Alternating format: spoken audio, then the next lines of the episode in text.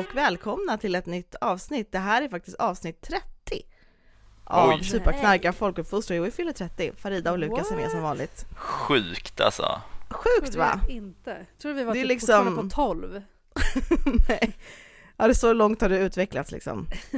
Så är det inte, vi är i 30. Ja. Och vid 30, och kanske alla, jag vet inte hur det är nu för tiden, om det liksom förut var, var 30-årskrisen den stora krisen? Back in the days. Det känns som att varenda år kan Ja. vara ett kris nu när det är så individu- individualiserat samhälle. Eller om det är så här, eller 40-årskrisen kanske är den stora i och för sig. Men det var nog någon 30-årsgrej förr. När vi var yngre så hörde man folk bara "Ja, men jag har liksom en 30-årskris. medelålders nu, 30-årskris. Liksom. Man hörde om Ja. den. Typ. Och nu så är kanske folk mer 40, 30, alltså 40-50-årskriserna. Liksom. 60-årskris. Det Men jag- jag- pushas fram hela tiden. Jag tänker 50-årskrisen är den stora krisen, men 30 är ju också det nya 50. Okej, 30 är det nya 50? Ja, och 70 Alltså, är det nya att- 50. Allting är det nya 50. Ja. Okej, shit vad Det, alla bara samlas mitt i smeten och ska vara 50 hela tiden. Ja, 30-åringar känns ju riktigt små alltså. ja. Jag fyller ju Mm. 40 om ett år. Om ett Du år. fyll- Ja. 70 eller vad sa du? Ja, det är det nya 30, 40. Nej, men jag fyller 40. Så bra opererat Kerstin. Måste Ja, verkligen men jag har din- valt det själv verkligen. Men hörni, eh, att eh, vid en kris ju, då ifrågasätter man ju sig själv och liksom bara alla sina val och så här. Och det tycker inte jag vi ska göra, utan vi ska göra det som liksom är motsatsen till det. Alltså det som man får som råd då när man går igenom en kris, är ju liksom att lära sig älska sig själv och sina val. Det är väl liksom det. Eller? Det har ju Miley Cyrus lärt oss med liksom I can buy myself flowers. Ja, just det. Sköt dig själv liksom. Behöver ingen annan. Själv. Men därför vill jag därför, vi spelar ju också in på en speciell dag eh, som är i butiken i alla fall, nej jag skojar bara, men i samhället i stort, även på förskolan i stort, alla hjärtans dag. Eh, då vill jag ju veta vad ni gör för att liksom visa att ni älskar er själva. Mm. Och då vill jag inte höra typ så här hudkräm eller något sånt. Att du köper en stor, stor så här chokladhjärta och ger till mig själv. ja, men, ja men alltså, för det är ju väldigt mycket fokus på romantisk kärlek liksom. I alla fall i handen kan det ju vara det liksom. Men man vill ju liksom också, dels till alla andra som man älskar, men också bara eh, den stora liksom sägen är väl att man inte kan älska någon annan om man inte kan älska sig själv. Och hur visar man då att man älskar sig själv, för sig själv, så att man själv vet det? Shoot. Jag kan bara säga att jag började med, det kanske inte, alltså jag har inte bara koppling till mig själv, utan även en vän, men jag mår bra av det själv. Så det Ja. måste jag ändå. Eh, och det var att jag i morse köpte en blombukett. Uh, blombukett är en kompis eh, som, är, som ska få levererat idag. För Jaha. att visa på att, som sagt, det är inte en romantisk kärleksdag bara, utan det kan vara annat. Eh, speciellt för singlar. Jag tycker att alla ska köpa en blomma till sin singla kompis. Gud, det känns som Då blir det ju verkligen fokus på romantisk Ja, kärlek. Här ska du få en blomma. För att Ja, du det är synd om dig. Gud vad sorgligt. Ja. Ja, men jag gjorde Vad skrev du på kortet? Bara, ha det bra. det. Jag bara, det blir bättre. Nästa år kanske du får en någon annan. Så kan du swisha mig det här sen. Typ. Nej. eh, Men, Men, det är det så du också älskar dig själv, att du gör kärlekshandlingar till andra liksom? Ja men för mig är det, jag mår bra av att göra saker för andra. eh, Ja. Faktiskt. Men också att jag idag har bestämt mig för att ta en lång promenad. Och det tycker jag ändå är så här, eh, det är så här soligt ute, så jag tänkte så här, men kanske efter det här så ska jag typ ta en promenad bara. Och ta hand om mig själv. Och ge mig den tiden. Än att bara... Ja, Var produktiv. ja men exakt. Eller bara Liksom. lyssna på grejer eller titta på annat. Alltså bara så här, jag ska bara ta en promenad, kanske gå förbi centrum, se om det finns något trevligt Och Och- köpa. köpa någon Ja. chokladask. Nej men jag vet inte. Ja, Så det, det ja tänkte jag göra fint. idag. Ja, Mm. du då Lukas? Nej men jag är lite på samma tema för att när du ställde frågan så blev jag helt ställd. Jag bara så här, "Ah, vad fan gör jag? Men, men någonting, alltså jag måste bara berätta en, Mm. En, en, en grej som hände mig igår kväll. Jag var på så här, Coop på väg hem från gymmet, skulle köpa någon, någonting som jag kunde laga, laga till mat. Och sen så precis före mig i kassakön så är det ett barn som är så här, typ 10 år gammal kanske. Och det här barnet köper då en ros Nej. och två så här nyckelringshjärtan. Nej, sluta. Och det tar mig fan, det, det var det finaste sen jag Alltså, jag konfirmerades. Nej men, alltså jag gick typ sönder. Det var så, det var så himla fint. Och eh, nu när liksom Farida eh, berättade det här om att liksom glädjas åt att göra fint, att jag tänker så här att men jag, jag ska idag så ska jag liksom försöka påminna mig själv och, och vältra mig själv i andras kärlek som är liksom inte riktad Ah. mot mig utan Nej. andras kärlek till andra personer liksom. Ja. Eh, för att alltså jag blev så, det var så, det var så gulligt alltså. Jag Ja. blev så, ja. Hörni, vi ska faktiskt börja med ett eh, nyhetssvep idag. kul. Men eh, Farida, vill du börja? Jag kan börja med en nyhet då.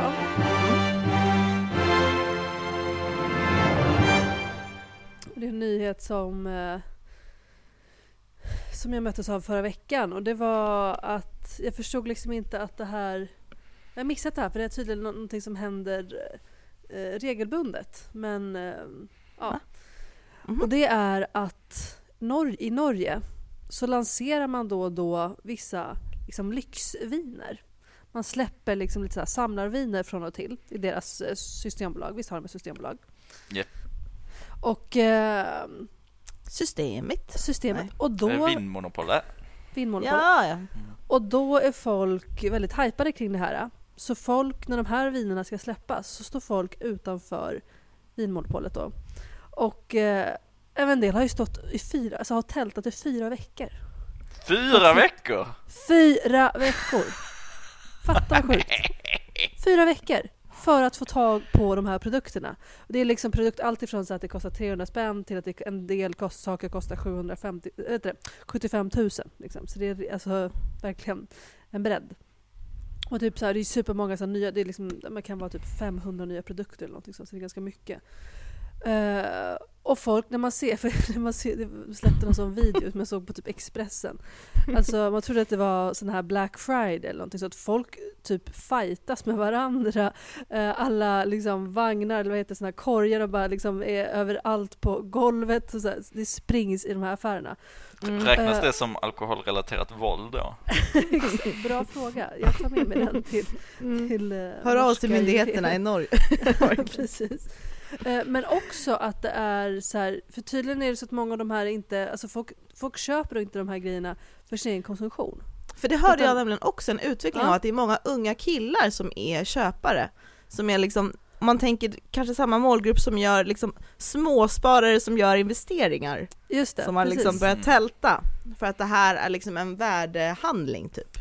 Ja, så de som har varit där i fyra veckor är ju inte de som ska liksom vara hemma och ha sina vinkvällar och liksom så, utan de kommer det är liksom, ju längre fram du är i kön, ju mindre du kommer dricka. Det är, liksom, det är nykteristerna som står längst fram, som bara vill ha pengar. Vill Liksom. finansiera sin verksamhet. Exakt. Men, men då är mitt heta tips, jag som ändå läst 60 poäng ekonomi på universitetet, Ja, det här vill jag höra. eh, man kan nog investera sin tid bättre än fyra veckor i tält för att få en eventuell värdeökning på ett par hundra procent på en Ja, de har nog inte, 300 du, tror, tänker inte att de har tänkt på det här? Du tror inte Men de kanske jobbar hemifrån i tältet. Ja, det- för det är också det jag är såhär, vem, vem som är intresserad av sådana här produkter har en livsstil som gör att de kan tälta fyra veckor utan I Norge, alltså Ja. i vint, alltså på vintern. Livsstil. Men det är liksom bara, alltså, det, för det är ju, alltså om jag ens, om jag ens hade haft liksom engagemanget och viljan att göra det här, Ja. Ja, gör ett klipp. det hade ju inte gått liksom, jag hade fan Nej. inte kunnat sitta i tält i fyra veckor, alltså Är det liksom målet? En dag ska jag kunna sitta... ja, jag ska, Ska jag ska ha vara sån ekonomiskt livsstil? oberoende så jag kan tälta utanför Vinmonopolet. Men då hoppas man ju att man, det är inte sådana, liksom, ja. Men eh, coolt, eller liksom intressant, jag tänker att det är som ett värdepapper, en Ja. flaska vin.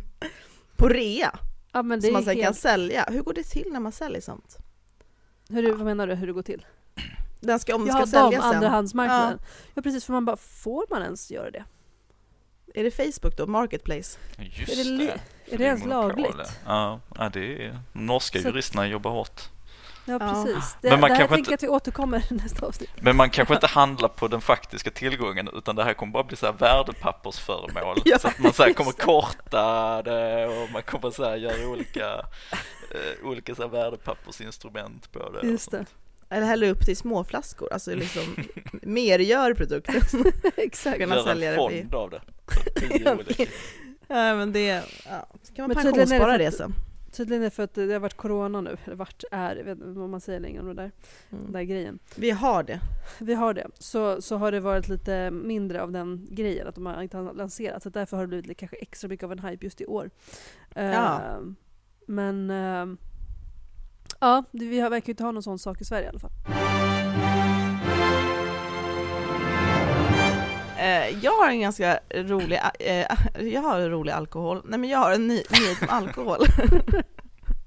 att sälja till den högstbjudande. Nej men jag läste här om veckan om att det är en brittisk forskare som tagit fram syntetisk alkohol. Nåddes ni av den här nyheten? Nej, vad Eh, är en nej, men- syntetisk alkohol? Det är en produkt då framforskad, som man säger i medierna, eh, som då ska, eh, man kan säga så här, det var lite olika take på den här nyheten. Eh, På, eh, på SVT, var det, SVT var det så här, syntetisk alkohol, vad är det? Typ så här. Och på Aftonbladet stod det så här, dricka alkohol utan att bli bakfull, det kanske låter som en dröm, men kan snart bli verklighet. Okej. Då ska det då vara ett, liksom ett preparat då som ska göra att folk varken blir beroende eller får baksmälla. Eh, och så på SVT så intervjuar man någon annan forskare som trodde att det här kommer ju kunna bli en succé. Med brasklappen då, så länge det inte är beroendeframkallande eller giftigt. Det tycker jag ändå är en Lilla bra inställning. bara. Ja. Ja, så det var så himla kul eh, vinkel tycker jag så här, på en nyhet. Sen var det ju också intressant då att, eh, jag ska inte säga någonting mer med det här, men liksom att den här forskaren var ju också den som hade företaget. Alltså förstår ni? Det är liksom, Aha. Som också det finns en intresse av det att nyheten ska nå ut och nu har jag gjort den personen en tjänst. Eh, Men eh, jag man kan ju- fattar ingenting. Det är en syntetisk alkohol Ja, som inte är alkohol. ja, det är gjort på labb, det är inte alkohol precis. Utan Det ska är vara liksom inte etanolmolekylen. Nej, eller vad utan är, det ska vara alltså- någonting annan. Det, det, jag vet inte exakt vad, det, vad den består av. Det är svårt att utröna liksom. Vad är likheten då med Men det ska vara någon typ är- av dryck liksom, som ska, som ska försätta. Alltså grejen är väl att den ska väl skapa berusning i Ja. hjärnan liksom. Eh, men- inte komma med allt det här liksom, det, det som man som i Aftonbladet beskrev som dåliga med alkohol då, som bara var då baksmällan. Utan inte det beteendet som som kan uppkomma under en fylla eller vad som så det helst. ska vara någonting man dricker så att man blir trött, aggressiv och lite omdömeslös. Ja, Ja, det och sen mår man jättebra efter det, när man tänker på allt man gjort. Och det kommer vara svindyrt för att det då är liksom syntetiskt gjort. Ja, det är ju tält, det är tältläge det är på. tält eh, liksom.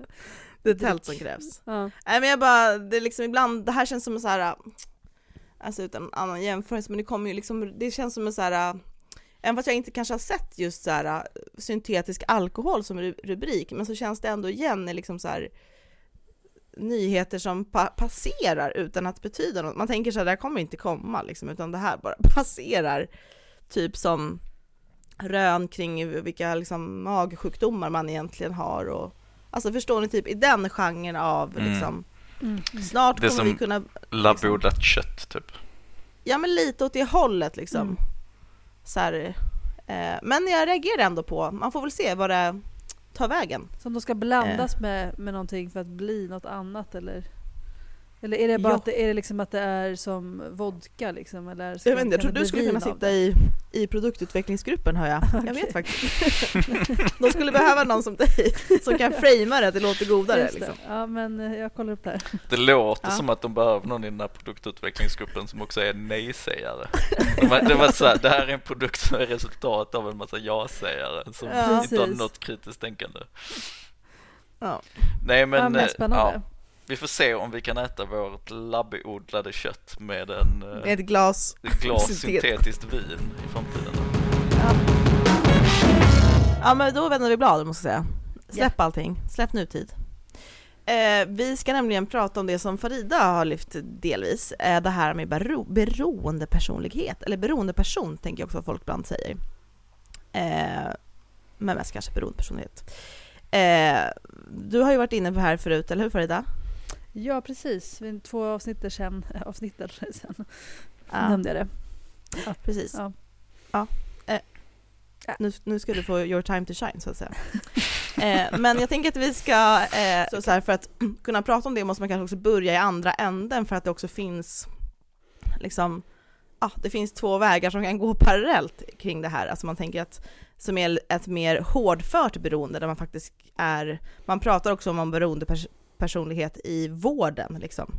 Mm. Eh, så att man liksom inte bara hoppar över den grejen. Men, men vi har de här två parallella spåren, dels den här liksom populär, populärkulturella uttrycket, beroendepersonlighet och det här mer som kanske är också användbart eller kan vara användbart inom vård, i beroendevård. Eh, och, Mm. Men det kanske inte alltid är liksom en, tänker jag i alla fall, röd linje mellan de här två sakerna, utan eh, det kanske är mer som liksom en uppluckrad, en akvarelllinje som har liksom runnit ut med vatten och pensel och är tunnare på sina ställen. Men, vi kan ju, men jag tänker att vi ska ändå börja att liksom reda ut vad ett beroende är för att kunna prata om det på ett vidare sätt. Mm. Eh, och då har jag tagit till mig kunskap som jag gör. Eh, och då så säger man då så här att beroende Eh, karaktäriseras av upprepad och tvångs, tvångsmässig användning samt kontrollförlust som i förlängningen leder till, ett neg- till negativa konsekvenser fysiskt och eller psykiskt. Och det här tänker jag liksom är ju det som man eh, liksom inom vården är det väl liksom att man ser på beroende på sånt som kräver vård. Vi kommer kanske komma in på det senare också, men det finns ju liksom ändå fastställt olika faktorer som påverkar vem som blir beroende. Alltså framförallt om man pratar om substanser och sådär. Alltså att det finns, det finns liksom en eh, både arv och miljö som påverkar liksom och att det finns eh, liksom gemensamma noder i det där.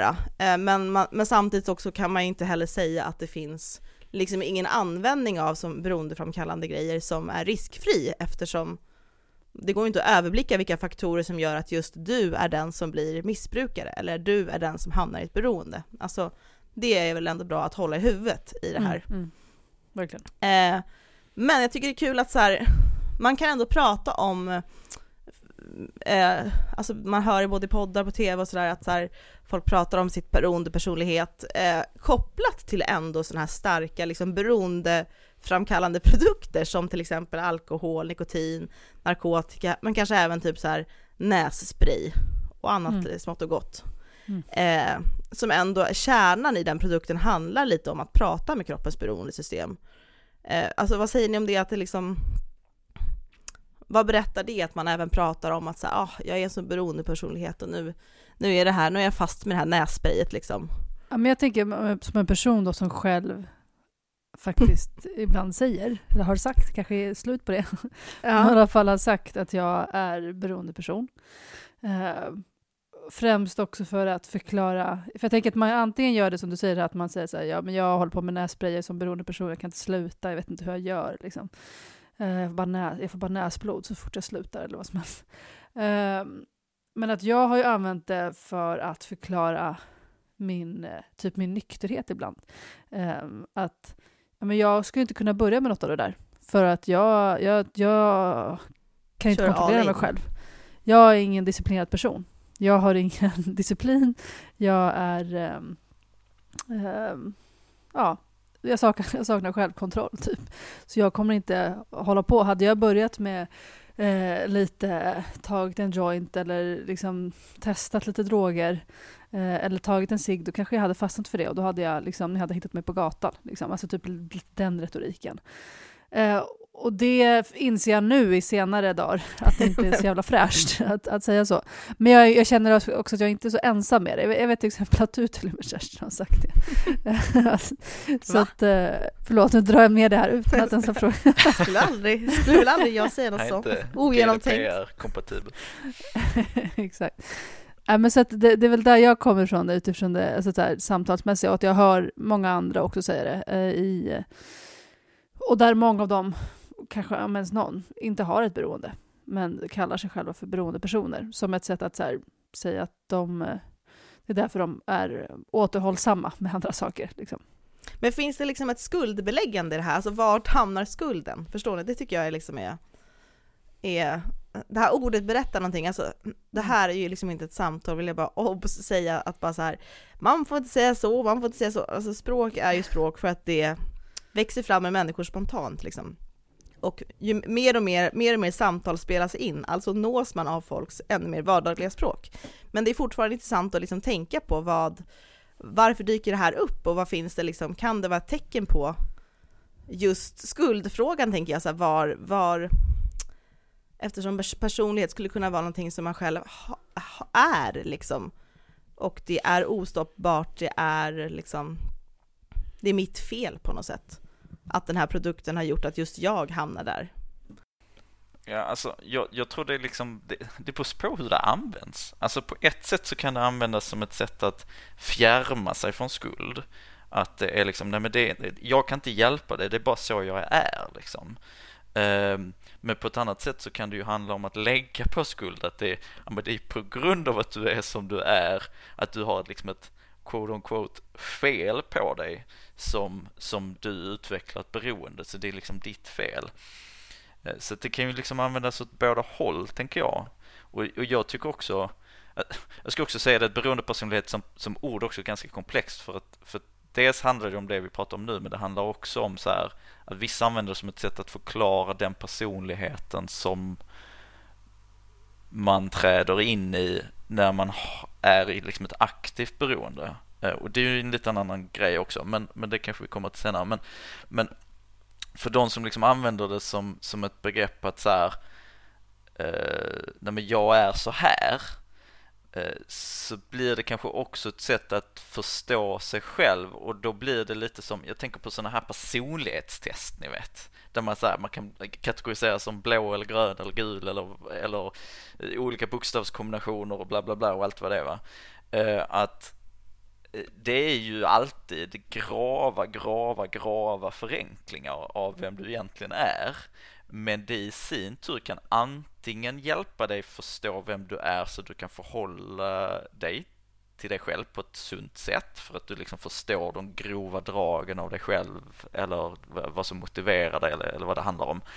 Men det kan ju också användas för att liksom mentalt boxa in dig själv. Bara säga typ, nej men jag har gjort sådana här personlighetstest och jag har insett att jag är en väldigt introvert människa så, så därför har jag slutat gå på fest liksom. Eller har jag slutat liksom vara social. Eh, och så liksom så mår man skit av det och så inser man inte varför man mår skit av det. Alltså det är liksom, ja. alltså det beror ju så mycket på vilken, alltså hur det används tänker jag.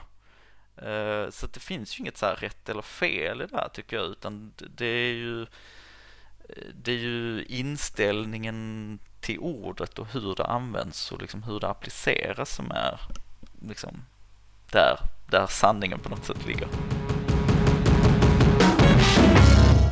Men jag hörde en ganska kul användning alltså som, som en negation, alltså som ett svar på, jag har ju alltid örat mot kulturen. Eh, så att jag kollar ju på TV då va. betyder det. Nej men jag såg då Stjärnorna på slottet och då var det en person, jag tror det var Carolina Gynning som, ja men det var hennes dag och pratade om att hon hade i sina ungdomsår och liksom i perioder i sitt liv använt droger av och till och så reflekterade liksom oss gruppen lite så här, ja men vad skönt att liksom, ja, ja vad skönt att man typ, typ snacket gick typ att man inte var en, bero, en, en beroende person så man inte trillade dit liksom att det också var som en förklaringsmodell att det, gått, det var därför det gick bra för henne ungefär. Och hon är drogfri idag, utan det var ju skönt att du inte hade den delen av dig själv. Jag har liksom inte heller hört det som en så här. Man kan ju gissa att också kanske andra grejer som gjorde att hon inte eh, är liksom är missbrukare idag. Liksom. Det kan ju handla allt ifrån vilken miljö hon är, vilket nätverk hon har eller vilken... Vilka liksom, skyddsfaktorer. Som... Vilka skyddsfaktorer som är. Nej men det var bara så här, mm det här är ett snitt från, det är ett klippt tv-program, det är liksom inte en del av sanningen. Jag tänker bara så att den, jag har liksom inte heller mött på den typen av så här, ah, vad skönt att höra, ja men då är ju du nog inte en sån beroende person för det hade ju varit livsfarligt för dig. Ja ah, men gud, ja verkligen vad skönt att jag slapp det ungefär. Mm. Eh, men jag tänker också, du har ju Farida, för att fokusera på dig, älskar jag, nej men du har ju jobbat mycket som, med tobaksanvändning och sådär. Är det någonting som man har pratat om där, liksom i samtal med folk som har varit beroende, att, så här, bara, att de har relaterat till sådana begrepp eller så här, bara för att få en röst därifrån? Eller är det liksom bara någonting som finns här ute?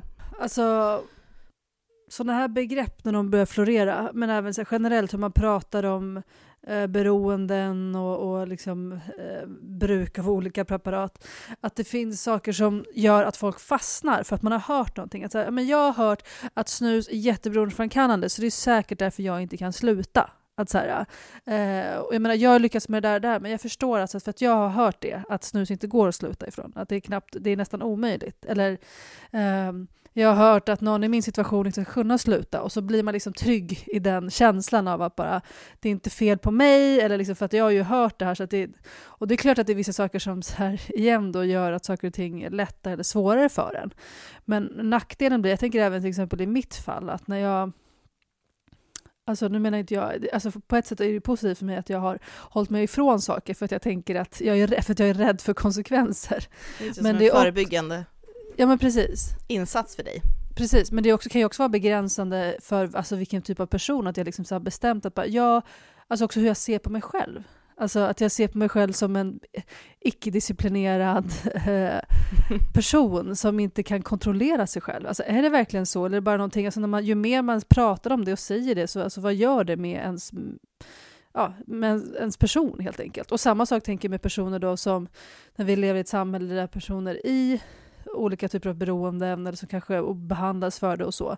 De blir ju behandlade på ett eh, eh, väldigt negativt många gånger av sam övriga samhället. Att så här, ja men det är för att du, ja men som sagt, då kan man ju säga samma sak till dem, att bara, men ja du, du har ju ingen kontroll, eller du är för impulsiv, eller du eh, eh, och det är klart att vissa saker kan ju göra, alltså öka risken. Liksom. Men det, det gör ju också att personer också håller sig mer till där de är. För att de tänker att så, men det här det är ju jag, så att jag kommer ju aldrig, jag kommer ju dö med det här. Liksom. Det, det, det är det här med person, man liksom ger upp tanken av någon form av förändring. Liksom. Att det liksom blir en del av ens identitet. Liksom. Ja men precis. Och då och blir förändringen väldigt svår. Exakt. Förändringen blir extremt svår och man eh, behöver väldigt mycket mer hjälp utifrån. Alltså, sen kan man ju tänka att så här, de flesta som slutar med olika saker, alltså olika beroenden som de har haft, gör ju det faktiskt själva. Alltså utan, de behöver inte hjälp. Utan man började med någonting och så känner man så här, äh, men nu nu får det här räcka. Det är någonting som händer i livet, något barnbarn som säger någonting, man kanske blir sjuk eller sådär. Och så slutar man med det. Liksom. Mm. Och, och då kanske man då skulle säga som Carolina Gynning eller de här andra, bara så här, ja men det kanske var för att de inte var beroendepersoner. Liksom. men det handlar inte heller om det, att de inte har personer, utan att, så här, att det är någonting som också kan trigga en för att bara säga att nu får det räcka. Alltså, och som inte handlar om vilken typ av eh, människa du är, utan vad, det kanske hände något specie speciellt som gjorde att nu fick du motivation nog för att känna att, att det, det, det är slut på det här. Eh, och det kan ju en person som ibland också, nu ska man ju inte förringa alltså starka beroenden som en del människor har, som alltså typ abstinens ska man inte heller leka med, för det finns på riktigt. Alltså det är inte som att det, alltså känslan, alltså det, det är därför det kallas beroende, för att man liksom inte heller kan kontrollera sig själv för att det tar över. Alltså man skulle vilja kanske någonting annat, men att du har saker liksom i hjärnan och i kroppen som fysiskt berättar för dig att så här, det, du, det, är någonting som saknas som du måste fylla på. Det är dags för det, nu har det gått några timmar, liksom nikotinreceptorerna skriker eller som det kan vara med kaffe till exempel, eller sådana saker, att folk säger att de har huvudvärk eller sådär. Eh, nu menar jag inte att kaffe är så gravberoende grej, men eh, ni fattar liksom.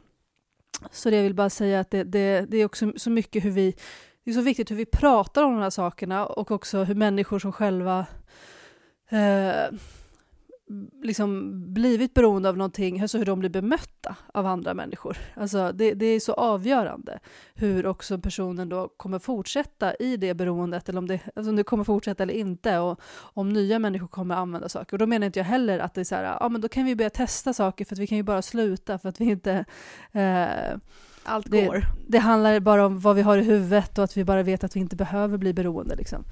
Mm. Uh, men, för, för så kan ju en del personer tänka att så här, men jag är ingen beroende person. Jag, jag slutar ju när jag vill. Liksom. Mm. Uh, och så märker man att så går det 20 år och de har fortfarande inte slutat. Så att... Uh, men, och, bara för att haka på det, jag var på ett seminarium en gång eh, bland, eh, där det var ett antal beroendeforskare med då, som, som, som var på, eh, alltså i läkar, i läkarprofessionen. Mm. Och Eh, då hade de, eh, då var liksom tesen som de diskuterade väldigt hypotetiskt så här men ändå, men ändå som någon form av framtidsscenario. Att så här, för det finns ett antal liksom, faktorer som man kan identifiera rent fysiologiskt eller genetiskt. Att typ så här, nej men de här generna verkar vara liksom, eh, det som ofta Eh, alltså, då har man större risk att hamna i ett beroende.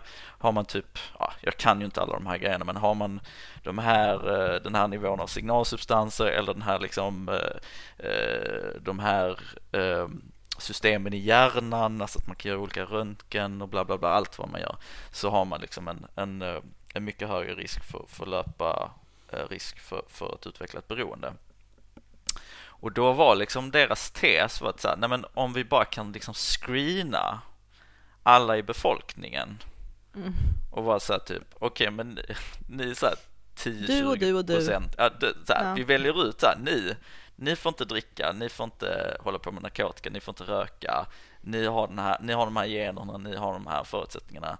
Eh, och sen så kan vi liksom bara Leva på. sa inte det, men, men det blir ju det som blir den logiska slutsatsen. Mm. Så bara, sen kan vi bara släppa resten fritt för alla andra. Liksom. Mm. Ja. Um, men så funkar det ju inte. Alltså, Nej, det, det, är ju, det, alltså även en person som inte har rätt genetiska förutsättningar kan ju utveckla beroende eh, om Ändå. Liksom, om bara eh, liksom villkoren är annorlunda på något sätt.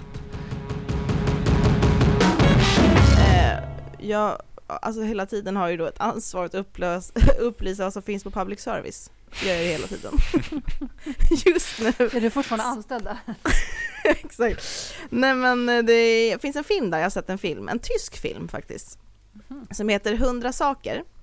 Eh, eh, som är, det är inte så ofta man ser tysk film, men den var väldigt våldsam för att vara en dramakomedi tycker jag. Alltså det är mhm. mycket så här våld i nära relation mellan, mellan kompisar liksom, som är väldigt otippat. Jag vet inte om det är sanningsenligt med den tyska kulturen. Men hur som helst, jag ska berätta vad den handlar om, bara för att, för att det här sätter ändå så här ljuset på hur det brukar användas idag. Det här handlar alltså om två killar som bestämmer att eh, leva utan saker i 100 dagar. Och för varje dag som går så får de hämta tillbaka en sak, alltså en av sina saker. Eh, och eh, då blir ju hela snacket kring typ så här, vad är, vad är du beroende av egentligen? Och de anklagar varandra för att ha ett mobilberoende, de har ett konsumtionsberoende och liksom, och liksom ut att, det här är ingen spoiler, men liksom kärnan, kärnfrågorna som den här filmen rör sig om är så här, ja okej okay, om överlevnadsstressen är borta, vad ska då göra oss lyckliga om det inte är att vi kan få bli mätta eller typ överleva natten utan att bli uppäten av en typ varg. Eh, vad, vad, är det då? Jo, då är det typ konsumtion och att äta saker, eller liksom ä, att köpa saker som vi kan göra olika saker med. Det kan vara mobiltelefon, det kan vara kläder och sådär. Eh, och eh, där finns det, det finns ju ändå någonting där att man tänker att man liksom man, har no, man gör någonting som jag tycker ändå kan kopplas till om man ska liksom så här snälltolka alla sätt att använda det här beroendeordet, eller mitt eget sätt som jag då, Farida har outat, att jag också pratar om det här på det här sättet. Att liksom, det finns ju någonting gemensamt om man tänker på de här sakerna som ett beroende då karaktäriseras av.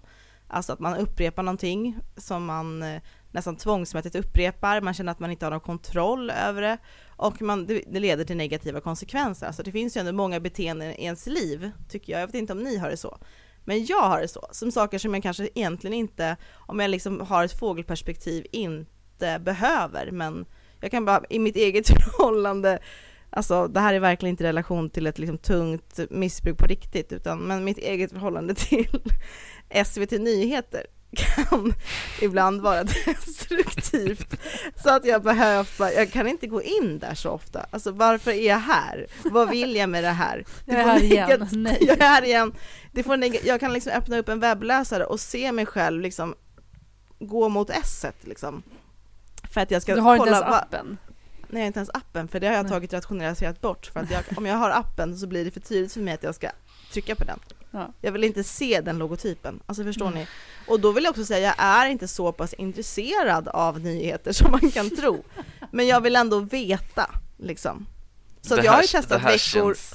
det här känns väldigt mörkt av att du började hela den här med att typ så här, jag ska informera nu om vad som finns på public service och sen outa dig själv som public Ja, men det är service komplext. addict. Liksom. Knarkare liksom. Nej men det är komplext, nej men jag, alltså för att jag, jag har ju haft den här relationen till även till Aftonbladet Expressen men där är det så extremt mycket saker som liksom slår till, mot personen.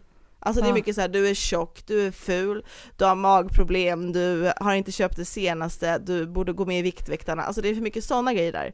Så att jag har rationerat bort det beteendet till att då lägga in det på public service, för där finns ingen reklam. Och alla artiklar är öppna. Alla artiklar öppna, jag behöver inte ens betala för det. Jag betalar via min skattesedel Ja. vill jag bara säga. Nej men eh, jag tycker att ändå, jag bidrar. Eh, nej men eh, har ni sådana här grejer som ni liksom känner att jag har liksom inte alltid kontroll över mitt beteende och så att man liksom lätt skulle kunna vara en person så som dig säger så. Ja men jag är en sån beroende person, du vet det här med relation till SVT Nyheter, det är helt sjukt liksom. Eller Jag, till, jag, jag, tror att, jag tror att många känner Facebook. igen sig i det där. ja, Eh, Jag känner igen mig i det där med olika beteenden. Eh, Det finns ju vissa människor som inte känner igen sig i de där. Eh, Antingen ljuger de eller så är de bättre än oss andra. Vi får Ja. liksom bara, vi får och bara de vill jag ha som det. vän. ja, de är Eh, bättre. nej men så, och, men, men det som jag tycker är jätteviktigt i det här, för det där Mm. kommer ofta igen då med typ Ja, men det, kan ju bli, det kan ju ibland komma igen i den politiska diskussionen att det är så här, nej men folk kan ha beroende för allt. Man kan ha beroende till sex eller man kan ha, sex kanske var ett dåligt exempel, men, men man kan ha beroende till socker eller till mobilen eller till vad det nu kan handla om. Och sen Ja. så liksom varför ska vi hålla på och reglera alkohol eller narkotika eller tobak på det sättet som vi gör liksom. Eh, och att det blir en form av ehm, liksom ehm, Bagatellisering. bagatellisering av en faktisk drogberoende som, som ju Ja. genuint är på en helt annan nivå. Ja. Alltså jag kan, jag kan outa mig själv med att jag absolut har svårt att eh, liksom hantera mitt mobilanvändande ibland. Eh, men att liksom jämföra det med, en, med ett drogberoende. Alltså det är inte samma sak. Det är inte samma sak. Varken rent liksom, liksom psykologiskt eller fysiologiskt vad som händer i din hjärna. Um, och det tycker jag är viktigt att understryka. Um, och det handlar inte om att bagatellisera liksom att man har problem med mobiler eller, eller nyheter eller socker eller vad det kan handla om. Uh, för att jag fattar det. Det är tufft liksom. Senast för några avsnitt här så, så outade jag mig själv för min söttand liksom. Uh, men jag skulle ju liksom aldrig få för mig att liksom det blir en väldigt, väldigt skev relativisering att liksom sätta, det, sätta mitt socker, mitt sötsug i samma liksom samma andetag som någon som har ett eh, kokainberoende eller alkoholberoende eller eh, vad det nu kan handla om. Liksom. Du skulle aldrig lämna din familj för eh, liksom schweizernöten. Nej, och jag tror också att liksom det, den, den, det är liksom det som skulle krävas av mig för att liksom lösa min sötand är absolut tufft men inte i närheten av den ansträngning som skulle krävas för att bryta ett alkoholberoende. Ehm, Det, Men om jag, Om jag ska vara är typ viktigt. djävulens advokat här då, som jag kanske, jag är inte den personen utan jag försöker bara spela den. Alltså kan det finnas något eh, positivt med liksom ett, att folk lever sig in och ser, sig- ser på sina egna beteenden som beroenden som kanske inte är då kliniska beroenden för att de är, är liksom i jämförelse ingenting med ett riktigt beroende. Att man känner liksom, okej om det är så här jobbigt för mig, alltså kan det, kan det vara ett sätt att öka förståelsen för den som har en, ett, en riktig beroendeproblematik liksom att man säger okej, är det så här svårt för mig att, vad det nu kan vara då, eh, sluta att ta upp telefonen ur fickan varje dag. Hur förstå då hur liksom, hur komplext människans system är för annat liksom. Kan det finnas någon vinning i det? Alltså Eller är det bara ett sätt att försöka försköna en, en samhällsutveckling? Nej, men alltså, dels tror jag att, att det kan väl vara, alltså, om det ger folk perspektiv, men jag tänker att det också handlar om att så här, om man också ska sära på de sakerna så finns det ju faktiskt grejer som, som gör, som, du, ja, men som vi pratar här om telefoner eller socker eller liksom fett eller sådär, som, som folk har, folk, även jag själv, har väldigt svårt att kontrollera. Alltså jag, jag, eh, jag önskar att jag använder min telefon så mycket mindre än vad jag gör. Liksom, eller att jag, ja, igår när jag var på Pressbyrån inte köpte de sakerna jag köpte. Liksom. Men mm. nu gjorde jag det. Uh, men att, uh, att, ibland kanske, alltså, det är väl också så hur vi, vad som är okej att jämföra. Vi behöver kanske inte jämföra men också så här, man kan prata om vissa saker som att jag, jag, är, uh, jag har svårt att sluta med den här saken. För att också prata om vad det är för typ av produkt och det är kanske också någon som, om vi pratar om vi brukar väl oftast gå in i industrier. Jag tänker om vi kan även göra det i det här fallet. Att det finns ju någon som är intresserad av att du skulle vilja, alltså ska ha mer av den saken. På samma sak om vi pratar om mobilen eller så de här apparna vi använder så är det ju väldigt medvetet gjort. Alltså personer som själva har varit med och skapat en del av de här apparna har ju själva sagt att så här, mina barn får inte använda det här för jag vet vad, hur det här är framställt. Jag vet vilken forskning som ligger bakom hur vi gör att personer inte kan sluta upp med att använda TikTok eller vad som helst. Um, det, det, det själva det, erbjudandet liksom. Ja, det, det, mm. det är någon som har tänkt. Vi pr pratade med, med en vän igår om det här också, speciellt när man pratar om mat. Alltså så här, det finns ingenting som heter sockerberoende, men, och många gånger så kanske man också, det är snarare fettet man vill åt än sockret, men nu har vi valt att fokusera väldigt mycket på sockret. Men, um, men att det också handlar jättemycket om andra komponenter i produkten som, som eh, ett företag har tänkt att det här kommer du tycka om. Den här konsistensen till exempel. Eh, alltså konsistens till exempel är en jätteviktig sak för att göra att människor fortsätter använda saker och ting. Alltså ifall... Eh, men som Gränssnitt. Mm. Ja, men som han gav som exempel, hade chips varit mjukt hade du inte ätit det, liksom, eller blött. det, det är ju viktigt att den är krispig. eller liksom, eh, krisp, eh, det var, han berättade också ett exempel om så Hade chips varit dåliga pommes hade du inte käkat. men exakt. Nej, eh, men typ om äpplen, Sverige är till exempel självförsörjande på äpplen. Mm. Men ändå så köper vi massa äpplen från andra länder för att folk vill inte ha de här mjöliga äpplena vi har i Sverige. Folk vill ha krispiga äpplen från Nya Zeeland. Jag själv köper äpplen från Nya Zeeland för att de är söta och krispiga. Eh, mm. Och det är de jag köper. Liksom. Och det vet de. Eh, och det är därför de levererar den produkten till mig. Liksom. Eh, och det kan vara med annat. Jag tänker så här, det ska vi också så här, och då kanske man inte bara lägger i, på tal om individualisering och är det, är det fel på mig? Alltså, är jag en beroende person eller är det någon som utnyttjar mina be, be, behag? Ditt beroendesystem liksom. Ja men precis, för att, för att öka eller belöningssystem. på... belöningssystem. Precis, vad som kan belöna mig är ju de här si och si och så liksom. Och då försöker de alltså paketera någonting och producera någonting som gör det väldigt nice för mig. Om det nu är genom, alltså genom telefonen eller genom eh, det vi äter eller det vi tittar på eller vad som helst. Liksom. Och det är ju skitsmart. Liksom. Och det är kanske det vi kanske också då ska liksom lyfta mer fokus på, på dem. Och jag tänker spe, speciellt alltså utifrån ett så här barnrättsperspektiv eller så. Barn kan ju vara super, har jättesvårt att sluta med telefoner och så, så som också vuxna. Och det kan ju vara ett problem. Man kanske inte säger att de är beroende, men de, ja, men man, de är nästan till beroende. De kan inte släppa det, för det är så belönande. Eh, och det finns ju sådana liksom, linjer man kan ringa till för att det har blivit ett så stort problem för familjen eller barnet att den liksom inte kan kontrollera sig själv. Jag kommer ihåg när jag var liten och vi hade, mina föräldrar var ju tvungna att gömma internetsladdarna för vi kunde liksom inte kontrollera oss själva. för att det var så jobbigt. Nej, men nu blir det inget internet. Vi bara letar överallt, bara, vart är sladden, vart är sladden? Den är på mammas jobb. Exakt. Farida, du, är ju, du tipsade ju om lite videos till mig och Lukas. Ja. Som ibland kollar man på dem, ibland kollar man inte på dem. Härligt svar. Nej men det var dels, vi kan faktiskt länka till dem på något sätt tycker jag faktiskt, för mm. det var ändå roliga saker som, som kanske, ja men som är både provocerande och svåra liksom. Mm. Men det ena var ett TED-talk och jag har svårt att ta in TED-talk för jag sitter bara och tänker på hur länge de liksom har repat. Alltså jag tänker så här, hur länge har du repat för det här? Bara, när började du repa för det här? Och så här, vad är spontant, vad är inte manusskrivet liksom? Hur, länge, hur ofta tittar det ner någon sån här, vad heter det? Skärm eller papper? Ja, monitor. Ja, ju, monitor precis. Jag tänkte säga jumbotron, men det är ju sånt som är där uppe. Eh, men den handlade i alla fall om, man skulle säga så här, TED-taket, vi kommer inte prata så mycket om dem, men det är kul om man vill titta på det. Det känns, också, det känns också som att man åker i en tidsresa varje gång de refererar till en TED-talk. Ja, We're back bara- in 2012 guys. ja, People are still doing that now.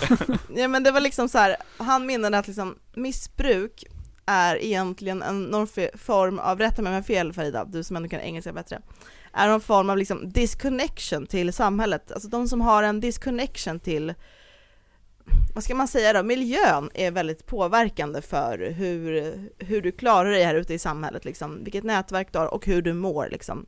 Mm. Och kontentan är då alltså att du ska försöka vara connected med din samtid, eller liksom knyta an till människor i din, inte i ditt Twitterflöde, utan i din närhet och i dina nära relationer, liksom att det är där kärnan är. Mm. Det var det TED-taket, jag hade inte övat alls på det, det vill jag bara säga. Nej men sen så var det en... Inga anteckningar på handen som han hade. Exakt, det var, då ska vi se.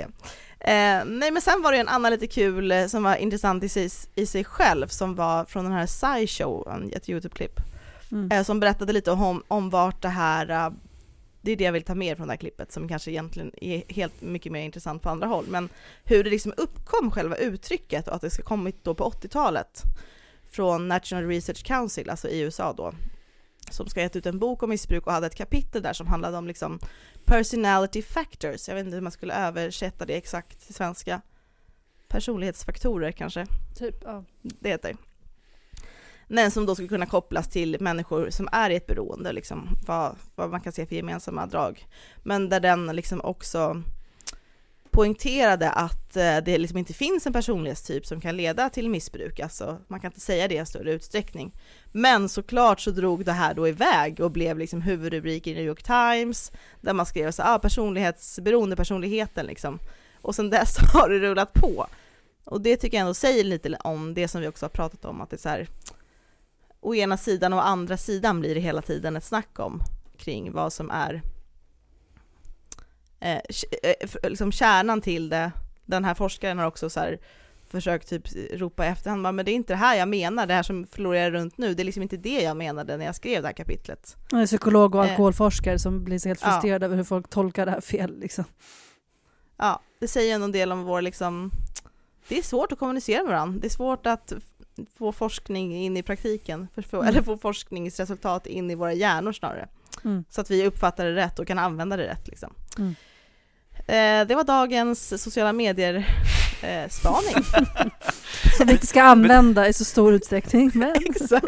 Men jag, Men det var ändå intressant. nej och det, och det är jätteintressant och jag, och jag vet inte om vi, om vi länkar till de här, för att jag, tyck, jag vet inte om du hade någon tanke kring att du skickade just de två i kombination med varandra Frida, men, men jag tittade också på dem eh, och jag tycker näst, nästan, det är som att den här, så här andra videon är Mm. ju någon form av replik eller opponering mot den första videon. För den- för att- den första nej, men- är då TED-taket. Nej men för att den andra videon är ju verkligen så här eh, beroende är jättekomplext. Det är Exakt. liksom individuella faktorer, det är sociala faktorer, det är kulturella faktorer, det är ekonomiska faktorer. Alltså Mm. Väldigt mycket spelar in och forskningen, vi kommer nog aldrig riktigt förstå liksom samspelet mellan personlighet och sociala faktorer. hela tiden brasklapp. Alltså liksom. det är liksom, all, det, det är liksom en, en, ett sammelsurium och beroende är komplext och kan förstås och inte förstås ur tusen olika perspektiv. Och näst, man får nästan angripa det som att det är unikt för varje enskild person. Alltså nu parafraserar jag Mm. friskt här, Ja. men, men det var liksom lite den liksom viben eller budskapet. Och den här Ja. första liksom TED-talken är så här typiskt TED-talk, att man tar ett komplext ämne och sen så har man en väldigt charmig och karismatisk liksom föreläsare som liksom reducerar det här komplexa ämnet till liksom en tes. Mm. Eh, och liksom så här, nu, och det är också så här, jag tror att typ titeln på det här seminariet var typ så här, everything you thought Is about wrong." addiction is wrong. Och man bara så här, Just det. Uff. ja nu ska vi ta liksom en enkel sanning och ersätta med en annan enkel sanning och man bara vill skrika ut och bara såhär ah, vad fan liksom. För, för att, alltså, det är inte så att den här TED Talk-snubben inte har sina poänger. Han har Ja. jättemånga viktiga poänger som, som är jätteviktigt att liksom ha med sig in både i den politiska och i liksom alla andra diskussioner kring alkohol, olika andra typer av droger, missbruk, beroende, allt sånt där va. Mm. Men det är ju liksom så jävla fördummande. Alltså det är så jävla fördummande att man bara så här, ah, tro inte på A, tro på B. När sanningen egentligen ligger så här A, B, C, D, E, F, G i ett komplext sammelsurium som ingen någonsin kommer riktigt förstå men som vi kan göra vårt bästa att försöka lägga någon form av pussel kring liksom. Nej, man blir ju, och, och så just det, och så är han supercharmig och jätte, Mm. liksom eh. Övertygande liksom ja. också. Och sen Ja. så liksom går folk hem och så tror de på det här. Mm. Eh, att, att det är liksom den enda, den enda riktiga sanningen liksom. Och så blir man ju frustrerad. Men vad tyckte du om hans slutkläm då? Eh, nej men det, alltså det ligger ju en poäng i det så här. Ja, vi borde lägga, alltså det finns ett, det finns ett liksom ett, ett, ett, ett en, ehm, en sån här inskription eh, på eh, eh, eh, jag blandar alltid ihop Clemenstorget eller Mårtenstorget. Något av torgen i Lund. Där det står så här, Mm. vi borde lägga lika mycket resurser på att lösa kontaktlösheten som vi lägger på att lösa arbetslösheten Mm. i samhället. Och jag tycker att det där är liksom väldigt sant och det är ju sant att så här, ja men om människor är liksom har ett social kontext, har ett känsla av sammanhang, har en tillhörighet så är ju risken att de hamnar i missbruk väldigt mycket lägre också. Det är så här nykterhetsrörelsen har jobbat utifrån i alla dessa år. Det är därför vi har så här sociala aktiviteter, vi har fester, vi har ställen Mm. dit man kan, liksom, vi har så här öppna kamratstöd dit man bara kan komma och vara liksom, Mm. i en nykter miljö. Alltså, det är därför vi har jobbat på det här sättet. Så det här är inte rocket science, det här har vi vetat i 150 år minst liksom. Ja. Men, men, men det är inte heller hela sanningen. Alltså det, Mm. det är liksom, drogen är, alltså bara för att man bara för att man har ett socialt sammanhang så betyder inte det att drogen inte är relevant. Det är klart att drogen också är relevant. Vi måste också jobba med att så här, minska att folk tar droger. Och, han, och det är också så jävla dumt för att han i Jag den här älskar att du är så engagerad. Vad sa du? Jag älskar att du är så Nej, men jag blir så Fortsätt. frustrerad. Jag borde titta på den här TED-talken för att liksom förstå Ja. hur dum den är. För Ja. han hänvisar också till typ så här, ja men titta på alkohol och anledningen till att alla vi som sitter här i det här rummet inte är alkoholister är ju för att vi har ett socialt sammanhang. Och man bara så här, ja, fast det är också alkohol som är den mest farliga drogen i samhället för att den är liksom så tillgänglig och accepterad och används av typ alla. Alltså, Mm. Ja men att han också säger att personer som typ har bra betalt eller så här, för det är också sådana, så att, så att spä på sådana myter om att ja, men, har du det välbeställt så kan du inte liksom bli alkoholist eller vad som helst. Det är bara de fattiga där som har problem och vi andra, vi liksom som har som sagt både det sociala eh, på ett bra sätt och, och ekonomiskt och utbildning, vi, vi kan fortsätta hålla på. Liksom. För hans slutkläm, för att det, nu när jag också, eftersom jag frågade om den, var ju att han sa så här att eh, motsatsen till beroende är ju då inte nykterhet, det är ju då eh, connection. Liksom. Och då igen då för att säga så här, men bara för att du har connection betyder det inte att du eh, inte kan bli beroende. Och, eh, vilket då skulle kunna bli en tolkning av hans slutsats Ja, också. Nu är det dags för veckans bubbel. Ja, men då kommer ju då det som jag skulle vilja prata lite mer om. Och då kommer jag även bjuda in er i det här, eh, Lukas och Farida. Så att eh, det kan bli så att era bubblor stryks. Mm. Eller så får ni ropa dem väldigt högt på slutet. oj, spexigt. Eh, nej men grejen är så här, har ni hängt med i nyheterna apropå min tidigare outning? Har ni läst på SVT Nyheter? Jag skojar bara. Nej men har hängt med i nyheterna angående de här ballongerna som flyger över världen Ja. och tittar ner på oss på olika sätt, eller på vem det nu är. Ja, eh, alltså mindre än jag kanske borde, men jag har noterat att Claes Svahn som är ordförande i UFO Sverige fått uttala sig flera gånger och att det är väldigt, sluta. väldigt, väldigt kul tycker jag. Är det sant? Ja men det är ju oidentifierade objekt Exakt, tills de är identifierade. exakt. Men det handlar ju alltså för den som då inte har det här beteendet, överanvändandet av nyheter som jag ibland har i perioder. Eh, så är det ju då anklagelser och nedskjutningar av liksom spionballonger. Jag tycker det låter så det, så, det finns lager av humor i det här också. Och det är ju kul det här med relationer mellan länder. Man kan ju ändå säga att Kina och USA då har en liten halvkylig relation. Eh, men ändå är de väldigt nära varann.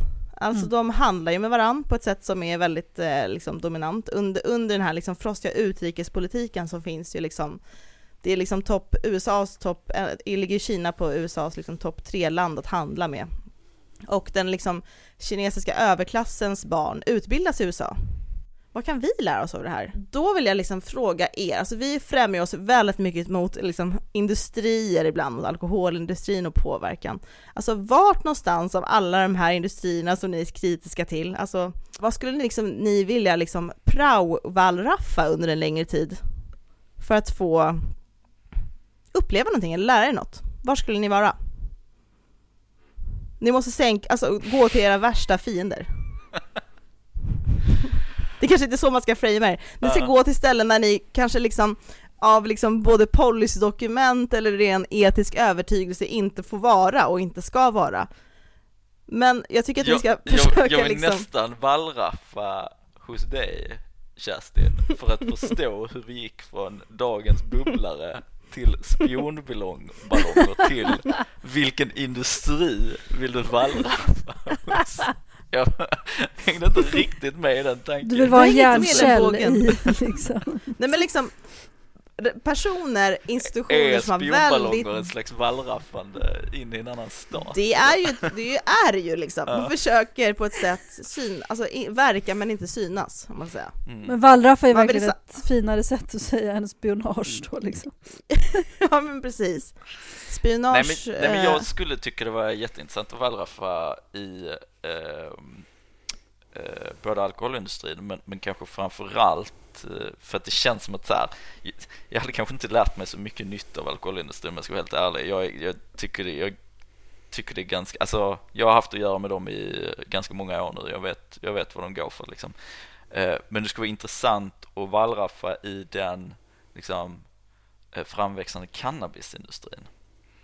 För att de, är, de agerar ju precis som tobaks och alkoholindustrin gör men de har ju samtidigt någon form av liksom så här nybyggaranda go, going för dem, liksom nyentreprenörskänsla. Eh, eh, så det skulle vara spännande att liksom vara där på många sätt. du då men jag har tänkt på det här mycket då. då. Eh, eller ibland känt såhär, men gud jag borde inte ha gjort, så, liksom, gjort mig som ett namn och varit tydligt liksom, hatobjekt mot de här personerna eller industrierna. För att jag hade velat göra det. Liksom. Eh, Mm. Och avundsjuk på dem som jag känner som kanske skulle kunna göra det istället för mig och bara så här, skriva en bok med hjälp av dem eller något. Mm. Ehm, och så då har jag väl verkligen varit väldigt mycket inne i tobaksindustrin och så eftersom att det är också en industri som eh, är så jävla bred och sådär men också för att den eh, försöker ta På sig in kontor på andra liksom? ställen. Vilken avdelning? Ja men Philip Morris hade ju varit ändå de stora. En dröm. Liksom. Mm. Det hade varit stort nu när de ändå har köpt allt. Ehm, men eh, vad tänkte jag på? Ehm, sen hade liksom också typ, på tal om vad vi pratade om innan, om krispighet och sånt. Alltså matindustrin hade också på något sätt varit intressant att se vad, vad, vad, vad görs där? Hur tänker man? Liksom? Vilket ansvar tar man? Och det finns ju, börjat liksom, alltså just kanske vara en del av en sån branschorganisation och sitta i såna, liksom, på sådana möten, i så här branschmöten, för då får man ju höra lite brett eh, vad de... Det fanns ju den här uh, Thank you for smoking-filmen, vet att man såg att de satt tillsammans runt ett runt bord och då satt liksom så alkoholindustrin, tobaksindustrin, vapenindustrin och typ kött eller någonting sånt tillsammans och bara Porr. planerade. Det hade varit trevligt att få sitta på ett sånt bord och bara höra hur snacket går. Ta en Liksom. bulle liksom och dricka lite kaffe. Men jag tror liksom också att det kommer vara Mm. lite som, som Lukas säger kring det här med alkoholindustrin, liksom att, och som jag känner ju äldre jag blir, att bara Förlåt, var det så här bara, så här oavancerat vuxenlivet var? Eller liksom, när man kollar på nyheterna och grejer bara, förlåt, är det inte mer än det här? Är det inte djupare än det här? Liksom. Jag tror att jag kommer bli besviken faktiskt. Man liksom ger dem väldigt mycket cred. Jag tycker också, om jag skulle välja ett rum så tänker jag också att man ska välja ett rum som är liksom lite mer privat där det finns eh, liksom plats för tvivel, förstår ni? Att få, man skulle vilja höra Mm. tvivlet. Ja. Så man kanske skulle försöka ta in sig in i någons familj. Alltså kanske bli någons svåger, svägerska. Man kommer Mm. in på lite middagar och man kan kom, komma lite djupare in och bara få höra liksom tvivlen, det skulle jag tycka var jättekul. Mm. Mm. Och prao wallraffa kring, att liksom bara höra kring liksom, för det är klart att alla människor tvivlar liksom, det, det tänker jag är en del av våran personlighet. Eh, och det skulle jag vilja ha, ha med mig, andra människors tvivel. Det kan vara ett bra vapen i framtiden. Mm. Jaha, men nu körde jag över lite här, men vi kanske, har ni några önskemål eller? För framtiden? Som ni vill prata mer om annars? Håll det kort. Ja, men jag tänker på en sak. I Mm. eh, förra veckan så eh, släppte tankesmedjan IQ, som är Systembolagets liksom, eh, alkoholattityds eh, tankesmedja typ. De släppte Mm. sin årliga rapport om alkoholattityder Mm. och eh, de visade på de mest liberala alkoholattityderna i Sverige sedan de började mäta för drygt tio år sedan tror jag. Eh, samtidigt som mätningarna visar på att vi typ aldrig dricker så lite som vi gör nu. Och det där Mm. är ju en väldigt spännande Kombination. paradox liksom på något sätt. Så här, Mm. Vi har aldrig varit så positiva till alkohol och fylla innan och socialt liksom accepterande Accepterande. för det. Ja. Eh, men dricker mindre än vi någonsin gjort. Det, Det behöver vi grotta i. Ja, men det tycker jag. Det och spionballonger kommer vi ta fram med i framtiden. Okej, men då hörs vi och kanske pratar om det då nästa gång. Jag vet. Vem vet? På återhörande. Adjö. Hej då! Hej hej! Ciao, ciao!